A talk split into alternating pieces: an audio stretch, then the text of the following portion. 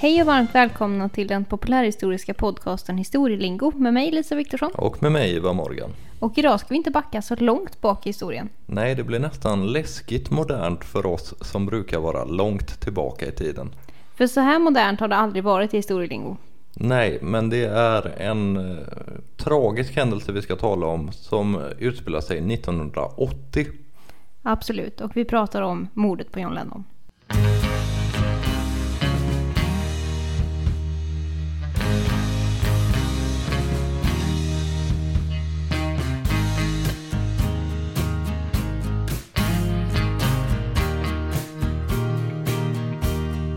Men vi börjar väl den här historien 1980. Det gör vi och i oktober tycker jag vi tar början på den här historien. Mm. För Mark Chapman, som ju då kom att gå till historien som John Lennons mördare. Han reser ifrån Hawaii, där han bor, till New York. Mm. Och hans mål med den här resan, det är att döda John Lennon. Ja, Han kommer till New York i oktober, men får kalla fötter och Mm. åker hem. Med ofullbordat uppdrag så att säga. Ja. Och eh, han är ju gift och hans fru vet om att han skulle döda John Lennon. Men han övertalar henne att eh, nej, jag ska inte göra det. Han säger att han har kastat sin pistol i havet. Och eh, Mark Chapman, han är ju ett stort Beatles-fan. Väldigt stort. Eh, så stort så att det är sjukligt. Det får Han är- man ju verkligen säga. Han är besatt av Beatles i allmänhet och, och John Lennon i synnerhet. Han är ju inte psykiskt helt frisk Nej. och han hör röster som säger åt honom då att han ska göra det här. Mm. Begå det här mordet. Vilket är väldigt skruvat att man då ska mörda någon som man ser upp till så mycket.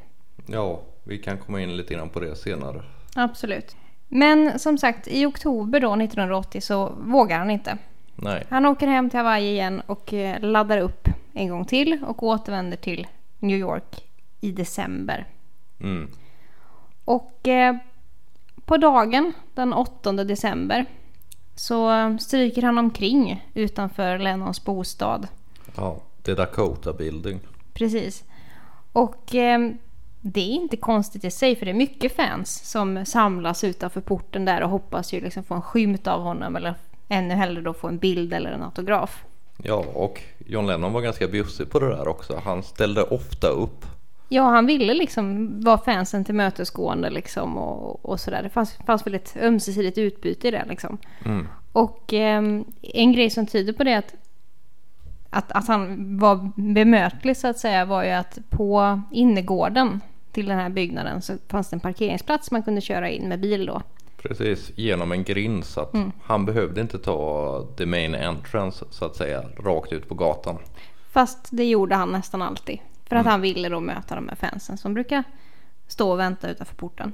Och eh, Mark blir ju en av de här fansen som står utanför porten. Precis, och det är inget konstigt i det liksom. På, på dagen då den 8 december så kommer John Lennon ut tillsammans med Yoko Ono. Mm. De har varit uppe i lägenheten och gjort eh, en fotografering Just för Rolling Stones Magazine. ganska känd tidning. Ja, det får man ändå säga. Och han har även gjort en radiointervju. Mhm. Och det kommer att bli den sista intervjun med John Lennon. Men de kommer ut och ehm, Mark Chapman sträcker fram en skiva och Mm. får den signerad.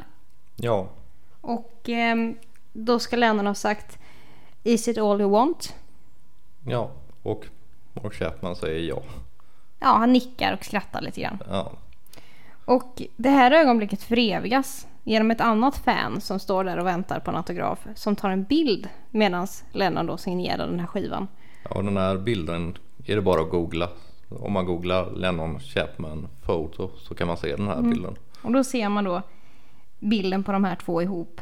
Och ehm, han, det här andra fanet som tog bilden hette, hette då Paul Goresh. Mm.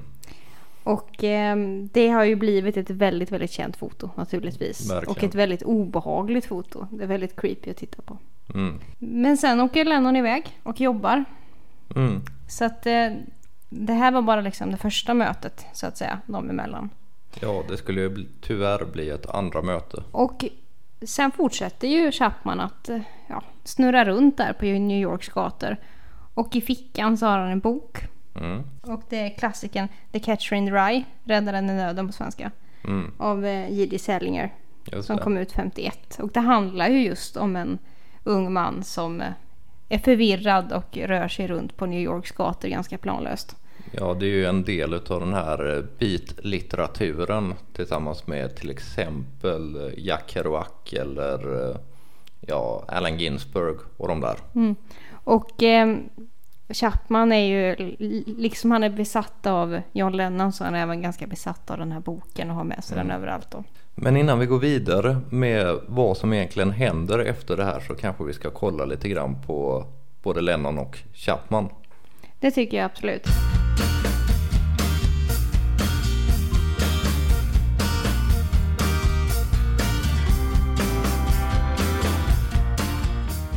John Lennon är ju ganska bekant för de flesta men vi kan ta en eh, liten snabb genomgång om vart han befann sig i livet den här ödesdigra kvällen. Jag tänkte börja tio år före. 1970 splittrades ju Beatles och eh, i början av 70-talet så flyttar John Lennon till USA. Han får ganska direkt problem med immigrations vilket är ganska psykiskt påfrestande för honom. Han börjar dricka väldigt mycket. Han börjar ta droger och har en ganska destruktiv levnadssituation. Samtidigt så börjar recensionerna bli ganska dåliga för honom. Ja, Och det kan man kanske förstå. Det var svårt att, kanske att mäta sig med det som Beatles gjorde. ja naturligtvis. Det, det, det här är också, han jobbar ju ensam på ett annat sätt och inte tillsammans med McCartney som, som innan. Nej precis, de var ju en liksom gyllene låtskrivarduo. Mm. Nu jobbar han ju väldigt nära sin fru Yoko Ono. Och hon var ju konstnär och kanske inte musiker i första taget. Även Nej. om hon gjorde skivor. Gör väl fortfarande. Ja, det gör hon faktiskt. Som sagt, han mår ganska dåligt och han blir ganska självdestruktiv. Det här går så långt så att eh, Yoko Ono slänger ut honom 1973. De separerar helt enkelt.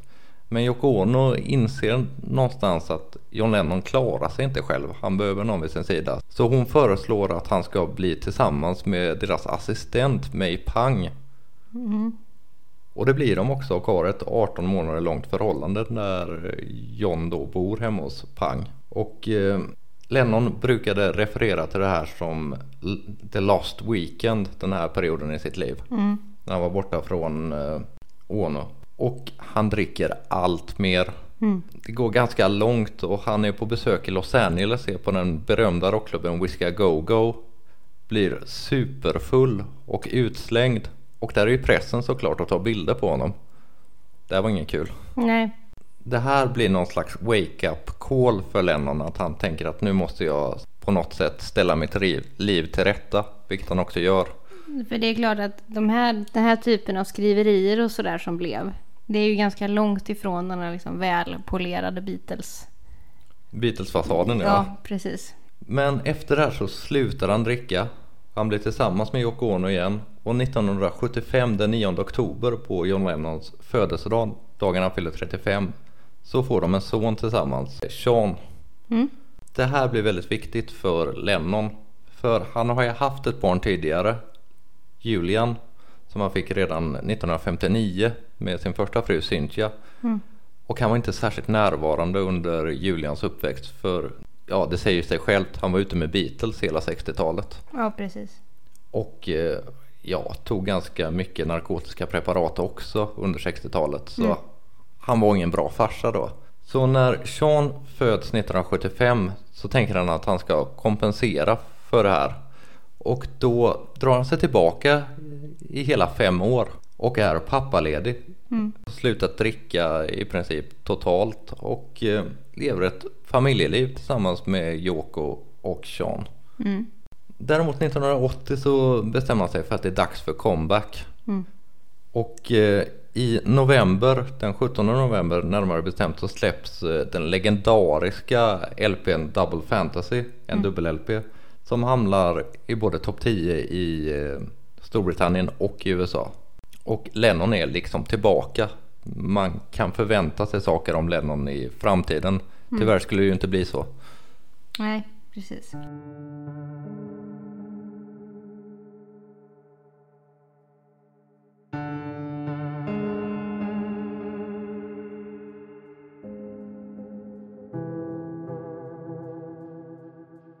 det var som sagt liksom lite en recap på John Lennon och han är ju ganska household för de flesta. Men vem var Mark Chapman?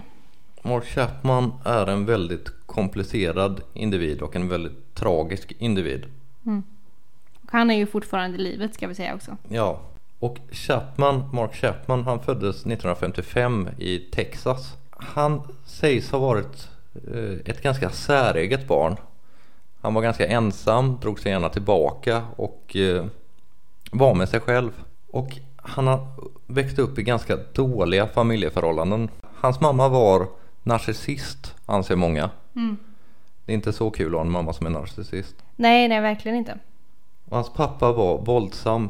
Det finns till exempel historier från den unge Chapmans eh, barndom där eh, hans mamma kommer in i hans rum springande, gråtande och naken och ber sonen skydda henne från pappan. Så han var våldsam och eh, Chapman får ganska tidigt fantasier om att han ska mörda sin egen pappa. Ja, det är inte, det är inte ett sundhetstecken. Nej, en annan sak som blir ja, ganska viktig för den här historien är att Chapman redan i barndomen börjar fantisera om att han är någon slags gudalik varelse som styr över något som man kallar the little people eller småfolket. Och eh, han menar att de skulle ha bott i väggarna där han bodde. Och dagar då han kände sig sviken eller var arg så kunde han tillkalla småfolket och sen så ställde han sig på golvet och stampade sönder dem. Det, det är ju någon form av psykisk ohälsa som eh, gör sig gällande redan här i unga år. Ja, 1964 kom ju Beatles till USA för första gången och eh, han ber sin pappa att köpa Beatles första skiva och han blir som besatt av den här skivan. Och han är väl runt nio vid den här tidpunkten och han är ofta inne på sitt rum och spelar skivan om och om igen och anordnar konserter för det här småfolket som han är härskare över. Dessutom så såg han dem 1964 när de var på Ed Sullivan Show. okej. Deras första framträdande i amerikansk tv tillsammans med 73 miljoner andra amerikaner såklart. Det var ju starten för den här så kallade The British Invasion med band som Stones och Animals och Cream och så vidare. Men när Chapman såg det här, såg dem på tvn så tänkte han att jag borde vara en av de här fyra killarna. Han drabbas av någon slags existentiell ångest som bygger på att han tänker att han är ingenting men de här killarna är allt. Så han vill, i sin värld vill han vara med i Beatles helt enkelt. Ja, han tycker att han är värdig att vara med i Beatles. Så att han är en person som skulle kunna platsa där. Okej. Chapman blir så småningom tonåring och då har det börjat hända saker i USA. För det har kommit en ny ungdomskultur. Mm. Ja, det, hippiekulturen har ju liksom ersatt den här liksom rocken och liksom den första som kallas den första ungdomskulturen så har ju den ersatts mot det här flower power.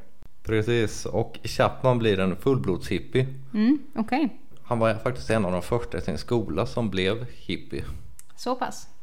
Han blev mobbad för att han var hippie men han tyckte inte riktigt att det spelade någon roll för att han, han blev del av någonting större kändes det som för honom. Okej. Och det, det här är ju någonting som kommer att bli viktigt för Chapman genom resten av livet att vara en del utav någonting. Och det hittar han i hippiekulturen. Det kan man kanske förstå, han har ju varit ganska ensam tidigare och sen så hittar han någonting helt plötsligt. Däremot så efter några år så blir han ganska nedstämd av det här med hippie. Han, han var nämligen på en strand, blev nedslagen av två äldre ungdomar som var hippies och då tappade han tron på peace and love. Okej. Men han är ju en sökare så 1971 så blir han frireligiös istället och då menar jag mycket frireligiös. Okej. Inte helt ovanligt i USA. Verkligen inte helt ovanligt i USA. Han blir till exempel del av YMCA. Ja, KFUM i Sverige. Precis. Han blev utvald att eh, åka med en delegation till Libanon vilket han var väldigt eh, glad över. Dock så var det ju, började ju ett inbördeskrig i Libanon 1975 så de kommer fram dit är det inte, kanske inte så trevligt som de har tänkt sig utan det viner kulor överallt, det exploderar. Och han är skräckslagen i flera dagar. Mm. Ja, det kan man absolut förstå. En annan ganska obehaglig grej som skedde under den här tiden som han var frireligiös var 1971 kom ju John Lennons Imagine ut. En klassisk låt. Ja, absolut. Och eh, den börjar ju med de här raderna. Imagine there's no heaven. Och det här tog Chapman. Ja, det tog snurr när han hörde det här. Ja. Det passade inte riktigt med hans eh, frireligiösa Nej. livsstil. Så när han satt där på något ungdomsmöte med de andra i kyrkan så började han spela den här låten, sjunga den här låten fast han hade gjort om texten redan 1971 så att den handlar om att John Lennon skulle dö. Okej. Det är väldigt obehagligt. Mm. Han blir så småningom äldre, Mm. börjar college i Georgia och det här gick inte särskilt bra för honom. Nej. Han hoppar av, ett förhållande tar slut och han börjar eh, umgås med självmordstankar. Mm. Han tar jobb som säkerhetsvakt, sparar pengar för att åka till Hawaii. Och tanken här är att han ska ta livet av sig i Hawaii. Mm. Men eh, innan han ska ta livet av sig då så ska han ju ha, leva i lyx och flärd de sista dagarna. Precis. Han tar in på lyxhotell Mm. och käkar på fina restauranger. Men pengarna tar ju slut till slut. Ja. Det är ju så. Och då får han tag i en bil. Han för ett rör mellan avgassystemet och in i själva kupén. Och så sitter han där och ska gasa ihjäl sig helt enkelt. Men plötsligt så händer någonting. Det kommer en japansk fiskare och knackar på bilrutan. Och han ser det här som ett tecken från Gud att han ska fortsätta leva. Okej. Och det här leder till att han faktiskt får hjälp och läggs in på mentalsjukhus. Ja, det kanske var på tiden.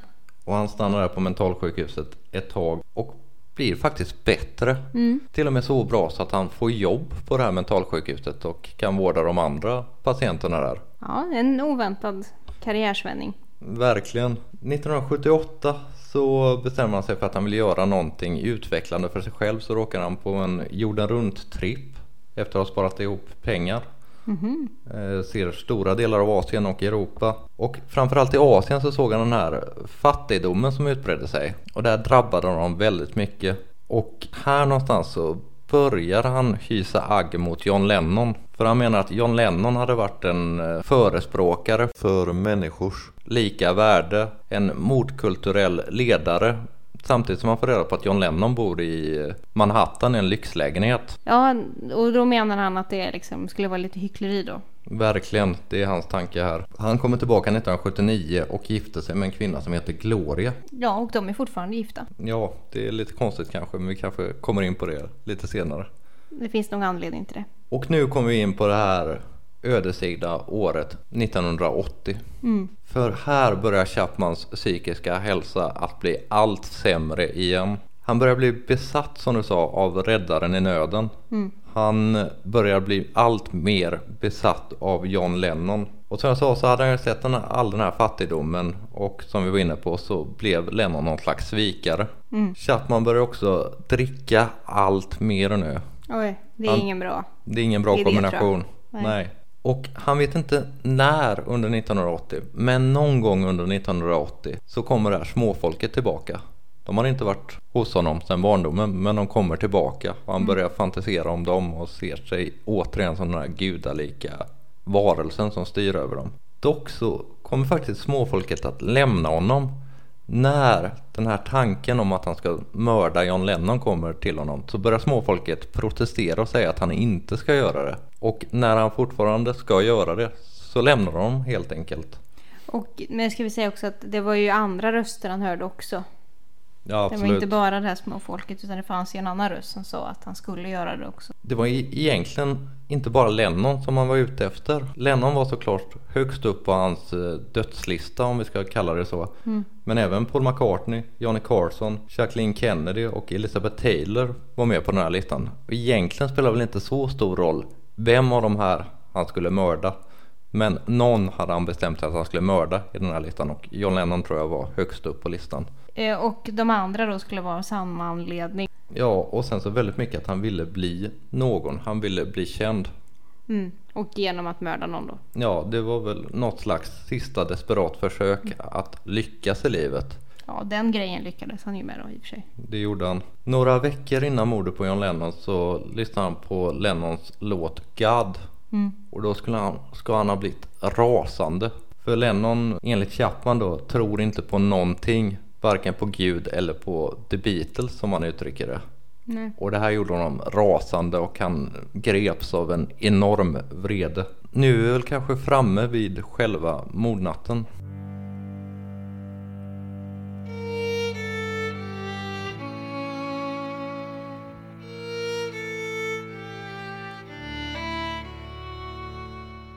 Vi stoppade ju förut med att han fick den här autografen. Just det. Lennon hade tagit bilder till Rolling Stones i sin lägenhet. Han hade gjort den här intervjun med RKO Radio Network. Mm. Som kommer att bli den sista intervjun med honom. Och eh, så åker de iväg, Yoko Ono och John Lennon till studion, Record Plant. Just det. Och eh, där jobbar de då under kvällen och mixar en låt på Yoko Onos eh, nya album. Och den här låten heter då Walking on Thin Ice. Ja, och Lennon spelar väl gitarr på den låten vill jag minnas. Mm, precis. Och eh, de mixar klart den här låten och eh, åker hem. De hade tänkt gå ut och äta på stan. Mm. Men avstår det för att Lennon vill hem i tid och hinna natta Sean då innan han ska sova. Just det. Och eh, vid 22.50 så kommer de till Dakota Building på Mm. Manhattan. Och eh, kliver ur på framsidan Mm, som vanligt. som vanligt och ska gå igenom huvudentrén. Yoko Ono går in först in i den här, ja, alla som har sett amerikanska filmer och sådär vet ju att på Manhattan så är det ju ofta liksom en lobby när man kommer in i, i porten. Eh, Precis. Det är inte riktigt som svenska hyreshus om man säger så. Och eh, Yoko Ono hon eh, går före in i den här ja, lobbyn då eller vad vi ska kalla det. Receptionen. Och portvakten som står där, han har sett en figur stå i porten liksom och Ja. göm, gömma sig lite grann men har kanske inte Lurking around helt Pre- enkelt. Precis, och kanske inte tyckt att det var skumt men inte riktigt tänkt något vidare på det. Men eh, John Lennon kommer fram och de, deras blickar möts, de tittar på varann. Mm. Och ehm, Lennon fortsätter då in mot lobbyn och då siktar Chapman och skjuter fem skott. Siktar på ryggen, Precis, för Lennon har ju vänt sig om och går in mot dörren. precis. Och eh, han skjuter fem skott. Ett missar han, det går över huvudet på Lennon och pangar en ruta Mm. i, i fasaden. Men de andra fyra träffar och Mm. trasar sönder väldigt mycket då. Eh, invärtes och eh, förmodligen är det det första skottet som blir det dödande. För att det går rakt igenom och outan. Mm. Men märkligt nog så klarar Lennon att gå. Ja, Efter att de här skotten har kommit då. han stapplar fram liksom. Ja, han stapplar in i lobbyn och där ramlar han då ihop och han ska ha mm, liksom sagt eller mumlat att jag är skjuten då. Mm. Och eh, han blödde ju väldigt mycket naturligtvis och det var ju folk där i lobbyn som försökte lägga förband och liksom, tryckförband och sådär på honom. Och hjälp tillkallas. Mm. Och eh, polisen kommer och man eh, får in Lennon i en polisbil och kör till Roosevelt Hospital. Precis. Och där gör man eh, återupplivningsförsök i 20 minuter men eh, det, hans liv går inte att rädda då. Och eh, Yoko Ono hon tas till sjukhuset och är i chock och hon får också då behandling på sjukhuset. Mm. Men vad hände med Chapman under den här tiden? Ja, Chapman är ju kvar i området. Mm, han springer inte iväg som kanske de flesta mördare gör. Utan han, han hänger utanför porten där. Och portvakten, givetvis chockad och förbannad, springer ut. Han ser i portvakten ser ju det här händelseförloppet. Mm. Och han springer ut och slår ur revolvern ur Chapmans hand och kastar iväg, eller sparkar iväg revolvern till andra sidan gatan. Och skriker på Chapman liksom, vad har du gjort och förstår Mm. du vad du har gjort? Och när då den här portvakten, José Perdomo, frågar Förstår du vad du har gjort? Så ska Chapman svara Ja, jag sköt nyss John Lennon. Ja, okej. Kallblodigt. Och efter det så sätter sig Chapman på trottoarkanten. Mm. Och drar fram sin bok. Drar fram boken. Han tar även av sig sin rock. Och han tar av sig hatten. Så att, eh, ja, det liksom är förberett när polisen kommer då. Att han visar att han inte har några vapen på sig. Och så sitter han där med sin bok. Och läser Räddaren i nöden. Mm. Polisen kommer och han hoppar snällt in i en polisbil. Och är väl ganska nöjd då med vad han har gjort. Jag har hört hans första samtal till frun efter att han har skjutit John Lennon och blivit fångad. Okej. Det är ganska obehagligt eller mest är det att de säger I love you till varandra. Mm. Men en ganska obehaglig detalj i det här samtalet är att Chapman nästan direkt frågar Har tidningarna gått ut med mitt namn? Hon säger nej, inte ännu. Och då, då blir han nästan lite ledsen över att tidningen inte hade gått ut med hans namn. Ja, ja det är ju helt eh, horribelt. Och vi nämnde ju förut att de fortfarande är gifta. Och eh, hans fru hade ju tänkt lite grann på skilsmässa efter det här mordet. Men hon var, eller är, väldigt kristen så att hon gick till Bibeln. Och enligt hennes tolkning av Bibeln så kan man inte skilja sig utan att Gud hatar skilsmässor. Så därför är de fortfarande gifta. hon flyttade faktiskt eh, till New York för att vara nära honom när han var i fängelset. Men åter till eh, vad som hände den kvällen. Det blir ju nyhet. Det blir verkligen en nyhet Det blir- världen över. Det blir en väldigt stor världsnyhet. Det finns ju liksom vissa händelser som folk liksom kommer ihåg vart de var när de fick reda på och så. Och mordet på John Lennon är ju en sån sak som är riktigt stor världsnyhet. Mm. Och folk börjar samlas kring Dakota Building och eh, börjar sjunga. Ja, det är väl Give Peace a Chance de sjunger. Precis, och det gör de i flera dagar efter mordet. Och till sist så tröttnar Yoko Ono lite för att hon kan inte sova för det här eh, eviga sjungandet. Så hon ber fansen istället att man ska samlas i Central Park. Vilket man också gör då några dagar efter mordet. Och eh, har eh, en tyst stund, det blir tio tysta minuter. Mm. Och det anammades av fans på andra delar av världen, i andra delar av världen också.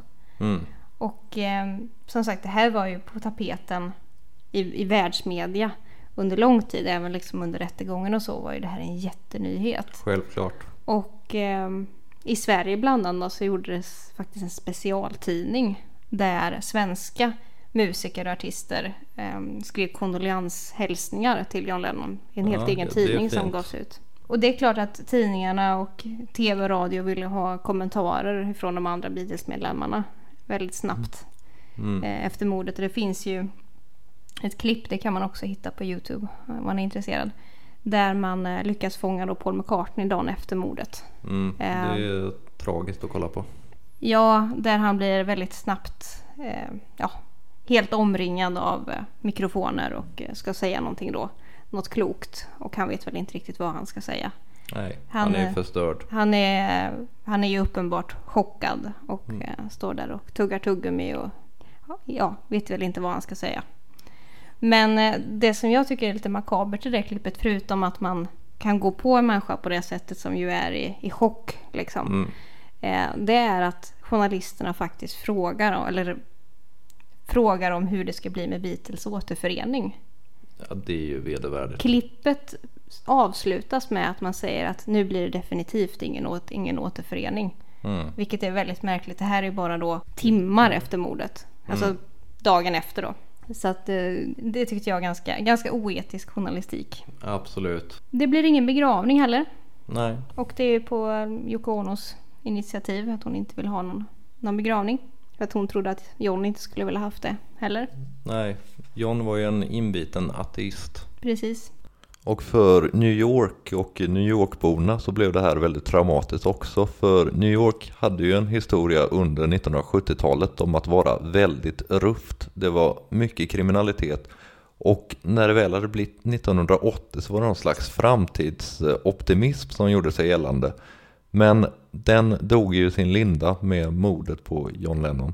Och eh, efter mordet så, John Lennon har ju blivit, han var ju en ikon redan när han levde. Men han har ju blivit kanske ännu mer efter sin död. Och många andra artister har ju skrivit hyllningslåtar och så. Mm. Eh, till honom också. Som de andra bitarna. Och eh, Elton John, Queen, Bob Dylan och så vidare. Och då kan vi fråga sig hur den här rättegången gick.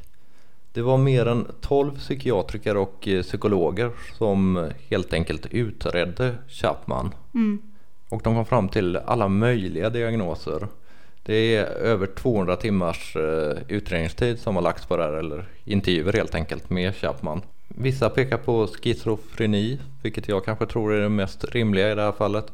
Monodepressivitet och så vidare. En mängd olika sjukdomstillstånd. Kan ju ha varit en blandning. Verkligen.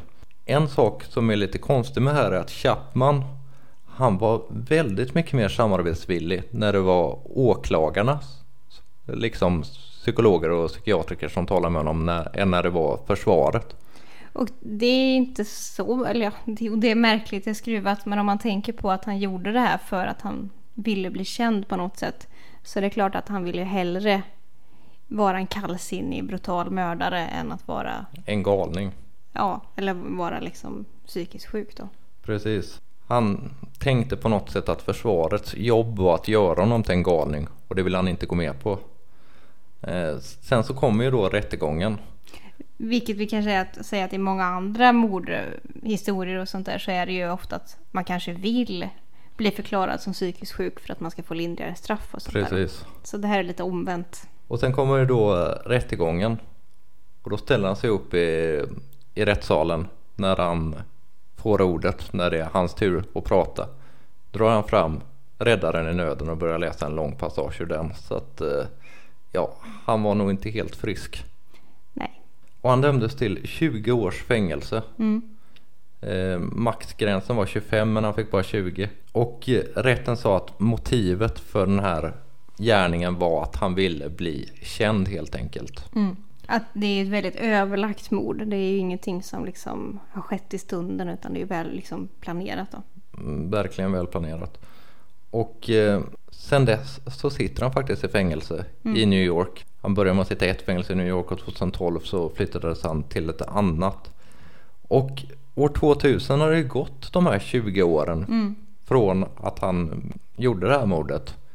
Och då skulle han ju egentligen släppas. Men då skickade Yoko Ono ett brev till alla som satt i den här juryn och bad dem att inte släppa honom. Så då släpptes han inte.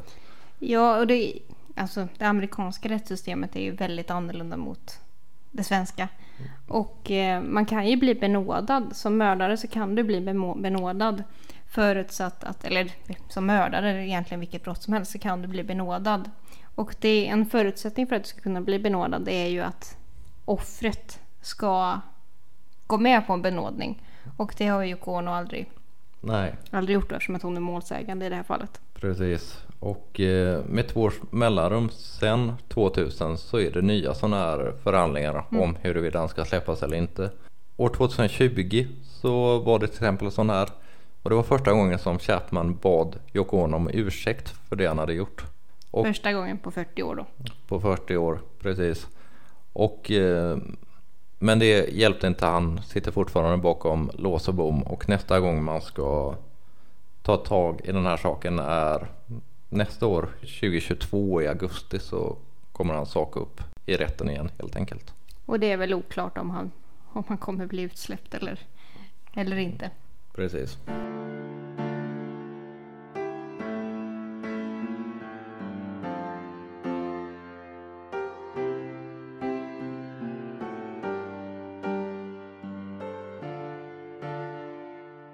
Det här är ju en väldigt tragisk historia och eh, för många musikälskare var ju det här katastrofalt. Ja, och för, inte, bara för, inte bara för fans och folk som liksom uppskattade hans musik och Beatles musik utan för det han stod för, liksom det humanistiska och så vidare. Så det här, det här, det här var ju något som berörde väldigt många och fortfarande gör. Verkligen. Och han var ju liksom en av 1900-talets absolut största musiker. Och- En av de mest inflytelserika som ändrade populärmusiken för all framtid. Precis. Och han blev ju inte speciellt gammal så att hade han levt idag så hade han förmodligen kanske fortfarande varit aktiv. Ja, särskilt som han höll på att göra comeback där 1980 också. Och eh, man kommer nog tala om Lennon, McCartney och de andra ungefär på samma sätt som vi pratar om ja, Beethoven eller Mozart idag om 100 år eller 200 år. Absolut, och kanske lite på grund av mordet också och så vidare så kanske Lennon är den som kommer bli allra mest ihågkommen. Mm, Av dem. han, han var en ikon. Definitivt. Jag tänker vi kan avsluta det här avsnittet med några ord skrivna av Bob Dylan på ett av hans senaste album. Mm. Från en låt som heter Roll on John. Precis som vi var inne på tidigare att det, det, det är många artister som har gjort olika former av hyllningslåtar eh, till John Lennon då. Doctor, doctor, tell me the time of the day. Another bottle empty, another penny spent. He turned around and he slowly walked away. They shot him in the back and down he went. Shine your light, moving on. You burn so bright, roll on John. Många av de här liksom samtida musikerna kände ju varann och, Ja, och vänner och sådär. Jag sa ju tidigare att Elton John också har gjort en hyllningslåt eh, låt till eh, John Lennon och Elton John var, ju, eller var han är fortfarande gudfar till Sean då. Just Eh, det. John Lennon och Yoko Onos son. Nej, det här är, det är en otroligt tragisk, ett tragiskt mord och eh, som skakade om världen tror jag. Verkligen. För att eh, det, är, det, är ganska, det är ett ganska unikt brottsmål det här. Att, att liksom en stalker har haft ihjäl eh, en kändis på det här sättet. Det är ju inte tack och lov jättevanligt. Precis. För ofta när det är kändisar och så som mördas så har det i regel varit politiska motiv och sådär. Det här är någonting helt annat. Mm. Skulle ni på något sätt vilja komma i kontakt med oss av en e-mailadress? Historielingo.gmail.com Och det, där kan man mejla till exempel idéer till avsnitt. Ja, väldigt gärna. Vi har även en Instagram-sida och där heter vi Historielingo. Och ehm, om du är ett företag eller så skulle vilja synas och höras i den här podden så kan man också höra av sig. Det var jättebra.